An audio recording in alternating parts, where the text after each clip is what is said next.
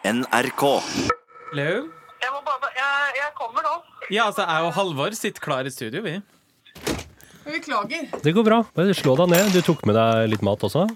Jeg må bare si det at eh, det er et eller annet eh, som har skjedd oppe i kantina nå, etter at de bygde om, som gjør at eh, jeg får større følelsesmessig utslag i varmdisken enn jeg hadde før. Er det fordi de har bygd om eh, kantina vår til å bli en slags sånn møteplass? Ja, de har eh, laget noen kroelementer.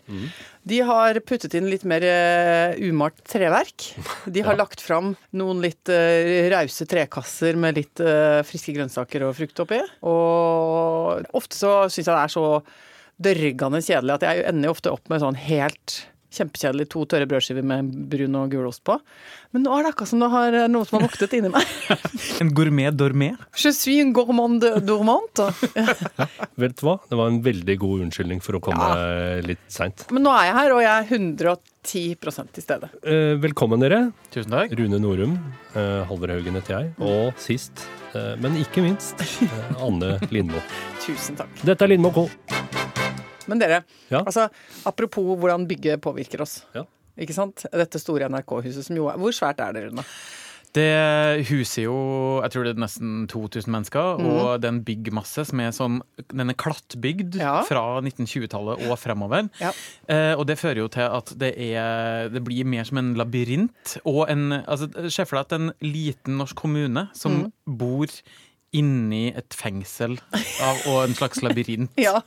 Og at vi har hatt, sånn som det ofte er på familiehytter, at du har en gammelonkel som er eh, litt rastløs, og som ofte bare bryter ut i fribygging, sånn Ja. halvveis ute i fellesferien. Så sier han enn om vi satte opp et anneks? Anneks, ja. ja. ja anneks, er påbygg. Ja. Og så begynner de bare blub, Så vokser på en måte Bygningsmassen vokser sånn, som en sånn organisme. Ja. Så hver gang du kommer på hytta, så har gammelonkelen din smelt på et eller annet. Det er som et slags uh, herpesutbrudd. Som uh, Arkitektonisk herpesutbrudd. Helt riktig. Det er det det er.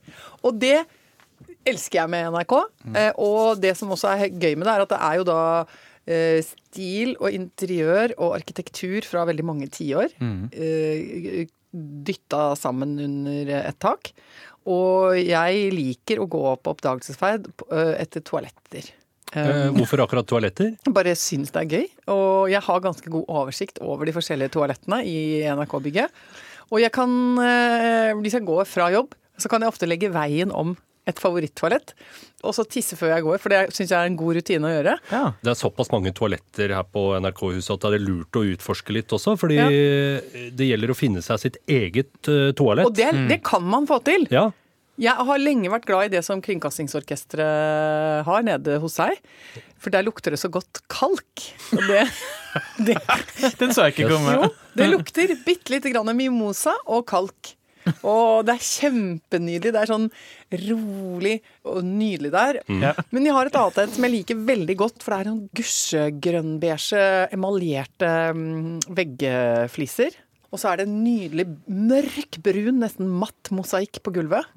Og det er heller ikke den der eh, kjemikalieduften som kommer av de dassene som blir vasket veldig, veldig, veldig ofte. Nei. Den er bare mer litt sånn hjemme... Det det er mer enn som en hjem, et hjemmebad. Og der uh, har jeg klekket ut mye godt opp igjennom. Altså idémessig, da. Der følte jeg vi ble tatt litt for langt inn i din private hage. men- Ikke sånn! Nei, nei, altså. Nei! Nå snakker vi om kreativt.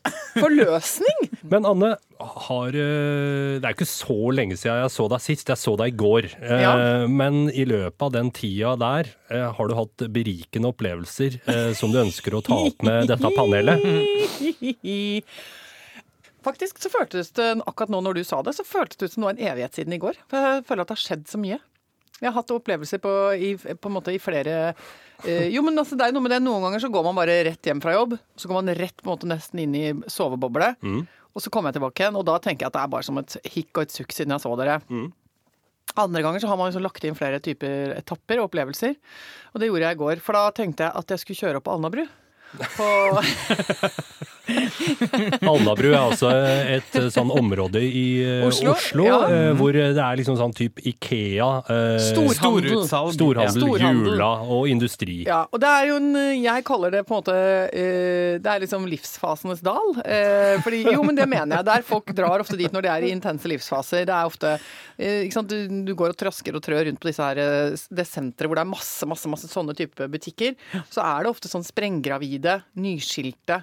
Eh, nyetablerte. Det er liksom det er liksom sånn Det er en egen sort eh, samtaler og dialoger som foregår, for folk driver sånn og prøver hverandre ut og sier sånn Vet du hva? Akkurat den grønnfargen orker ikke jeg. For den min, ikke sant? Var sånn, sånn, å, der fikk han vite noe sterkt om henne og den grønnfargen på den sofaen som han tar avstand fra. Altså, det er veldig mye sånn, eh, så det syns jeg gjør at det er gøy å være der, da, en sjelden gang. Kan også fort få veldig angst og bli stressa. Men jeg hadde et klart formål. Skulle nemlig kjøpe meg noe sånne å, hva heter det? Hotellpute. Ja, hotellpute. Altså puta bak hodeputa i senga. Ja, b, b, kan jeg, jeg skjønte ikke helt. Den sto Ikke sant, når du drar på hotell, da er det jo redd opp på en nydelig måte. Ja. Du har selvfølgelig dyne og pute sånn som du har hjem, Ja. men bak hodeputa Så- så har du en stor, fluffy, luftig, gjerne hvit, delikat eh, ekstra pute. Så det er en slags stor pute som er en slags støttefunksjon for hovedputa, men den må ikke forveksles med pyntepute, f.eks. Det- det er grenselandet pyntepute, men den, den har absolutt en funksjon. Så det er sjølve bærebjelka eh, i, I- puteverden. Putestrukturen i Ja. senga. Ja. Og det, det, dette har ikke jeg hatt et bevisst forhold til, men det var akkurat som jeg var For jeg var på et hotell for en stund siden, så tenkte jeg hva er det her som gjør at jeg føler at jeg er på en måte eh, I, I paradis. Ja, og dette, dette kongelige eh, der som inntreffer, eh, var et nydelig hotell. Og det er jo selvfølgelig pga. de svære puttene. Så tenkte jeg neimen i all verden, hvorfor skal ikke jeg, eh, som det lille mennesket er, eh, eh, få med meg dette hjem? Og jeg gikk om bord i dette nå, da. I Ja. går var jeg inn på sånn putebutikk og sa eh, hva er det største du har? Altså, jeg, jo, jeg tenkte sånn Her skal vi jobbe. Vi har jo en gigantisk seng. Uh, vi, har jo go, vi har jo virkelig kjørt go large på den dobbeltsenga. Så der har vi ikke noe stress med at eh, ting blir for svært eller overdimensjonert. Og så da, så da sa jeg hva er det største du har? Og jeg fikk altså det har jo gått med en hel Altså, det, det har jo gått med en hel flokk av gjess. Det har vært masseutryddelser for å få nok Canada er tomt for gjess. Enorme! Og, jeg, og hun var sånn flott og framifrå dame som var god på å selge puter. Poff, poff, poff! Som står sånn og puffer opp og viser, viser potensialet i denne puta. Og jeg bare ohoi! Her er det, her er det puff!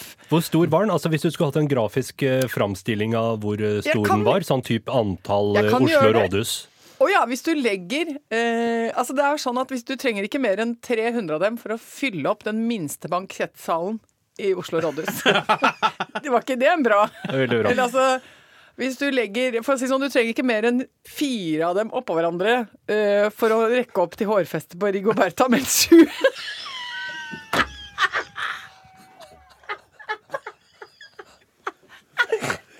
Ja. Jeg skal begynne å bruke Rig- Rigoberta men sju som måleenhet i livet mitt. Jeg er så lei av centimeter!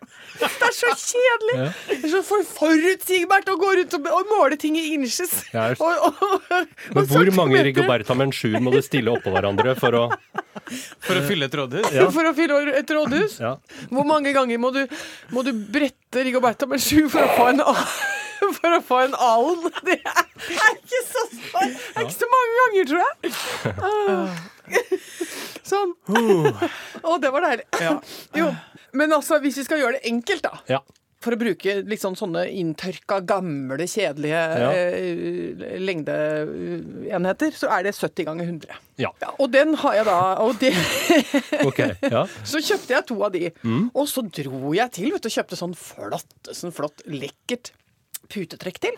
Fikk det hjem, eh, tredde dette på disse ny, ny, nydelige puffede putene og stappa det opp i senga. Og herlighet, altså tronefølelsen kommer boom! Det er- Umiddelbart. Instant luksus. Oi, oi, oi. Og, eh, men, eh, så da sto jeg der og så på mitt verk og tenkte dette er jo nydelig. Og det ble fargemessig en flott palett også. Det var, jeg hadde klart å harmonisere veggfarve, sengetøyfarge, denne puta eh, i faktisk, hold dere fast, pudderrosa.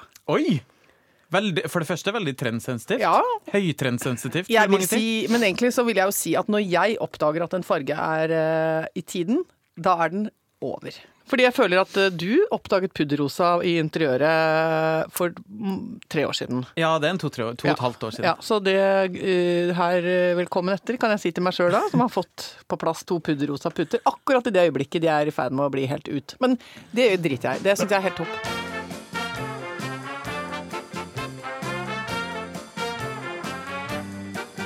Jeg vet ikke om dere har lagt merke til det, men eh, det er visstnok en ung kvinne, Mm. eh, jeg tror amerikansk, som la ut et bilde på Instagram hvor hun rett og slett ikke har barbert seg under armene. Og det har blitt et verdensomspennende fenomen, hvor uh, unge kvinner viser fram underarmshåret sitt. Dette har jeg lest om. Ja. Det er under emneknaggen, et ord jeg for øvrig er veldig glad i. Ja. Eh, emneknaggen Janu Harry. Harry.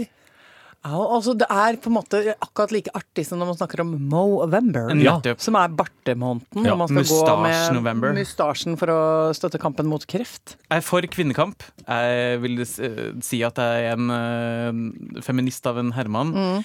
Men blir det mer kvinnefrigjøring av at man ikke barberer seg under armene? Ja, altså Om det funker eh, i kvinnefrigjøringens navn å gro noen centimeter hårtuster under armen, Mm. svaret på det er jo nei. Ja, takk. Eh, men altså, jo, men det er jo dessverre, og dessverre, vil jeg si. For det, det viser seg jo det at samme hva vi finner på, og vi angriper denne urettferdigheten og den skjevheten fra alle mulige kanter, så er det jo ingenting som virker i seg selv.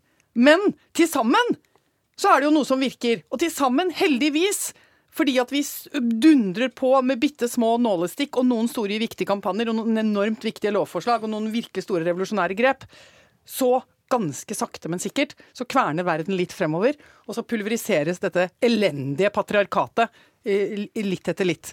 Um, Så du tenker sant? at det kan være en liten puslespillbrikke i noe større? Ja, og jeg blir veldig Jeg kjenner at jeg blir irritert over at man skal latterliggjøre eller bare si sånn Ja, men det der har ikke noe å si i den store sammenhengen, og dermed bare eh, liksom eh, føyse det av. Jeg elsker hver gang en liten jente eh, får opp rullegardina, ser rundt seg og oppdager at det er litt trange rammer i forhold til hvordan hun får lov å utfolde seg og sin eh, eh, femininitet, eller sin personlighet, og blir litt fandenivoldsk, litt rampete, og bare gjør et eller annet som er litt upassende på en eller annen plattform, så sier jeg bare heia til lille deg, og måtte du smitte noen av de andre jentene rundt deg med akkurat samme fandenivoldske løssluppenhet, sånn at det kan foregå bitte små, dumme, rare små revolusjoner rundt overalt hele tiden. Fordi jeg tror at når alt det plutselig kommer sammen i en stor elv, så skjer det nydelige ting. Men også er det jo en annen ting, at dette her er jo ikke, med all respekt, så er jo ikke dette første gangen eh, armhule eh, partiet og armhuleproblematikken liksom har vært en liten arena for noe slags eh, frigjøringstokt, da. Det har man jo holdt på med. Og jeg eh, husker eh, Hvis jeg kan få lov å trekke meg inn i dette Ja, narrativet. eh, så var jo jeg og min gode venninne og kollega Helle Vågland en gang på Gullruten i Bergen. Um, og, og Helle har, har i alle år bare tilhørt uh, den delen av kvinneslekta som uh, syns at det er litt flott med en lokk under arm. Ja. Liten busk. Ja, og så, og så hadde hun på seg den dagen hadde hun på seg en kjole som var sånn uh, ermløs på den ene siden. Og så uh, eh, fikk vi det bare for oss at eh, det var litt gøy. Så da sto hun på rød løper og vinka med høy armføring. Og så var det så veldig morsomt å se, for det spredte seg som sånn liten sånn bortover i pressekorpset. Og så skjedde det ting, og så eh, plutselig så var det da sånn derre En som rykka fra, sprang etter Helle og henta henne. Og så ble det sånn Vi registrerer at du har hår under armen. Hva er det du vil si? Og så ble det liksom en sånn eh, det var, ja, ja, det var som om vi kunne, det kunne like gjerne gått med en plakat, liksom. Ja. Opp og ned på den røde løperen. Eh, Og da fikk hun også litt kritikk. Eh, fra noen sånne mote, motefolk. På at det var på en måte ikke tid og sted for å drive med den slags. Og det syns jeg, du, det synes jeg er så fornøyelig og morsomt. Og de stakkars små hårtustene der eh, er nok til at noen vippes av pinnen og syns at eh, dette, dette kan vi ikke ha. Så det er jo kraft i Det er kraft i en liten dusk. Ja. Det er jo koselig, syns jeg. ja, det er jo litt fint å tenke på. Ja. Eh, men jeg må si at jeg savner hår, jeg. Jeg syns det var gøyalere før. Da jeg vokste opp. Med, altså da kunne man jo, For det første så, så var man jo mye mer naken sammen med folk i veldig sånn koselige kommunale sammenhenger på ja, på sånn bade, svømmehallen og sånn. Og det er jo så gøy eh, med sånn det som vi kaller eføytiss. Ja, ikke ja. sant? At at Viltvoksne- at det var masse forskjellig sånn Vi ble jo eksponert for en helt sånn Altså, det var så mye forskjellig vegetasjon. For da var det sånn innblikk i en voksenverden, og damene står sånn og snakker sånn der. Ja, og jeg har sagt det, Gunnar. Hvis vi skal komme oss opp på fjellet, så er han faktisk nødt ikke sant? Mens de står og tørker seg under armen, og boing, så står håret ut. Og så tok de sånn godt drag med håndkleet sånn krk, krk, krk, ned i skrittet, og fong, så står det sånn nytørka, sånn trivelig, livsglad liten hårbusk. Sånn hoi, her er jeg! Og det er um, både kroppsspråket det verbale eh, språket og hårspråket har jo blitt døllere i garderoben. Folk vender seg mer mot vegg. Man står, underbukser kommer på av, og det er veldig mye sånn diskré opplegg Ja. og sånn. Man er mye mer redd for å liksom Å, jeg skal ikke belemre noen med min nakenhet. Nei. Og man er også livredd for hår. Jeg må jo innrømme at jeg er litt glad for at eh, folk tar det hensynet og ikke driver og belemrer meg med nakenhet. Altså, det Ja, skal men jeg jeg innrømme. må si nei. Jeg syns det er noe gøy med FKK. Frei Körperkultur. Altså, ikke sant? At det er fri kroppskultur. Det er fritt! Eh, og det er ikke egentlig heller noe belemring, det er bare at vi er ved siden av hverandre. Og sånn er det. Og det er ikke noe å bråke med, liksom. Så det er blitt kjedeligere, ja. Så jeg må si da alt i alt ja til January.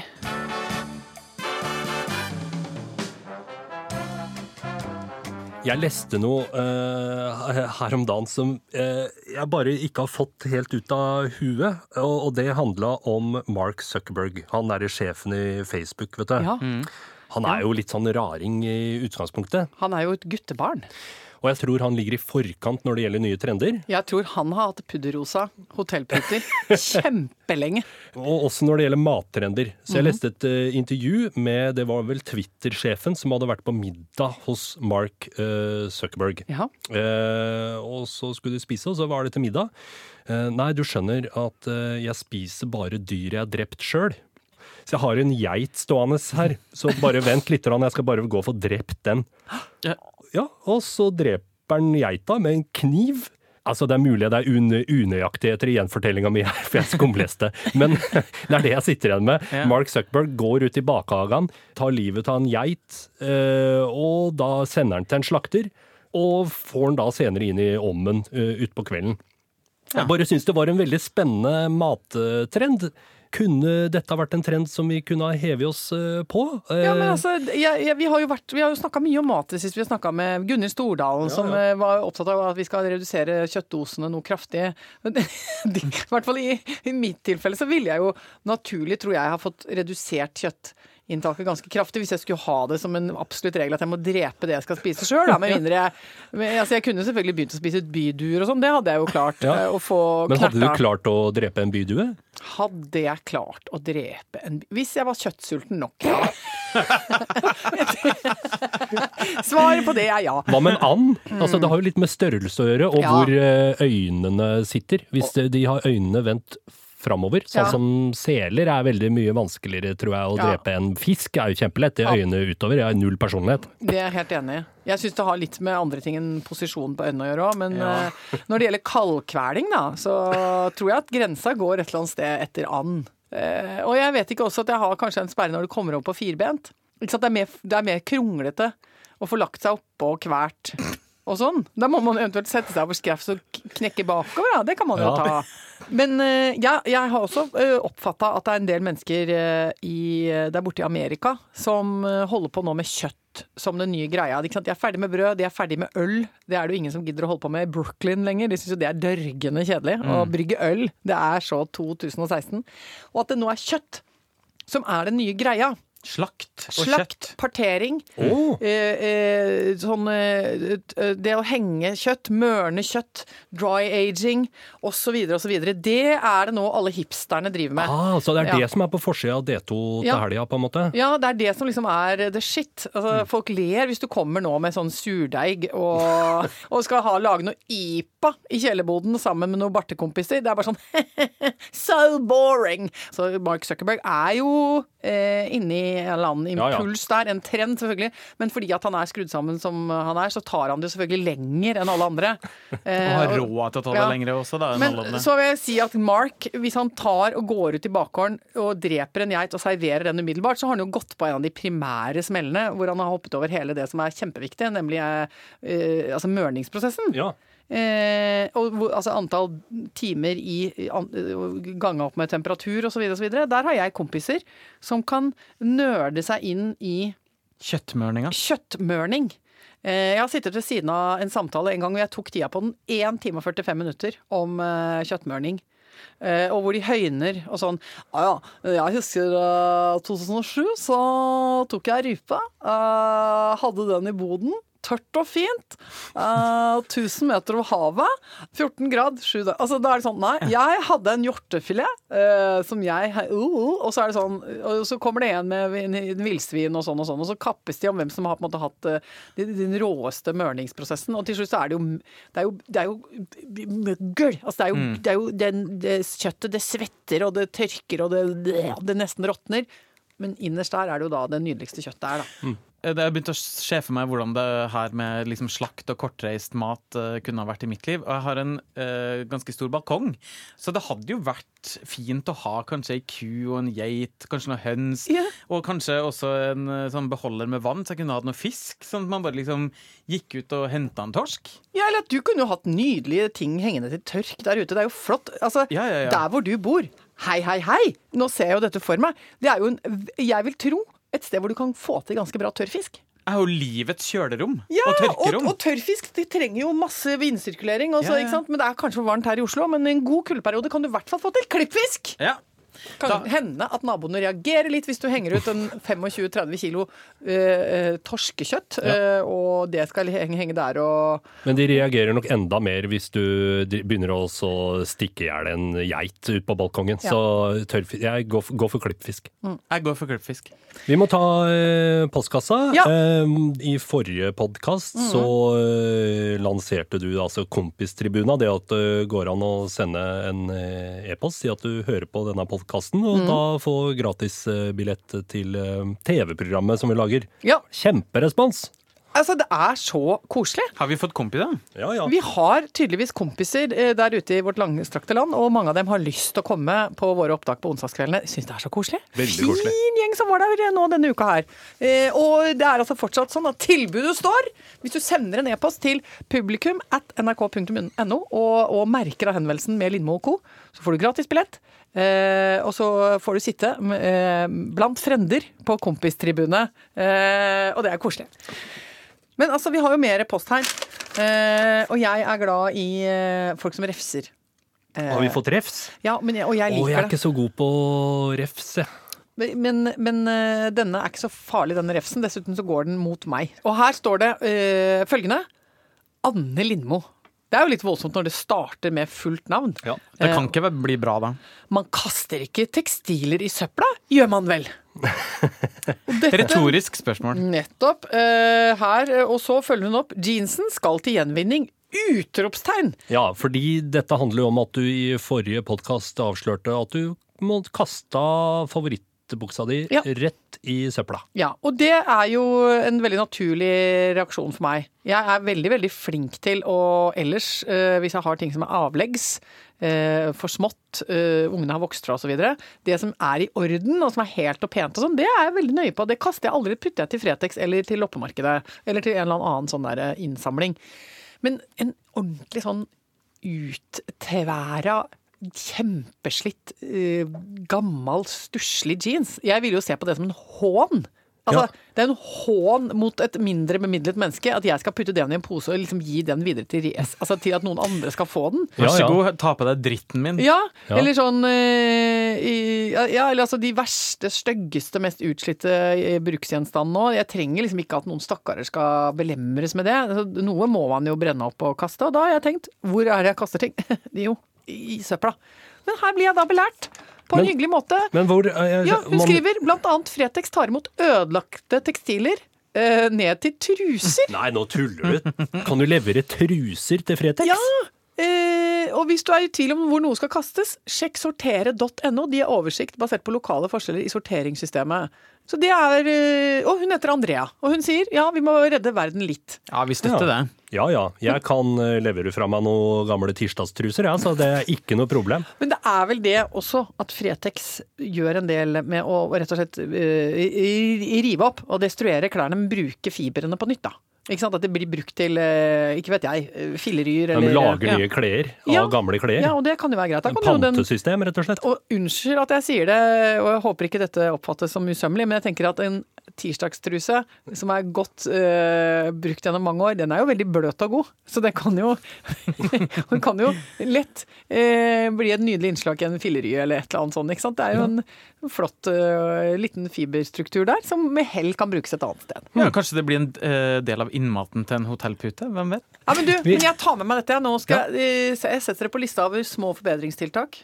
Eh, at jeg skal rett og slett sørge for at selv det liksom som er utslitt, det skal ikke i søpla, men til eh, Fretex eller lignende. Elsker at noen oppdrar meg. Tusen takk for det. Da skal vi eh, runde av, vi. Takk for oss. Vi høres igjen neste uke. Ha det bra. Ha det!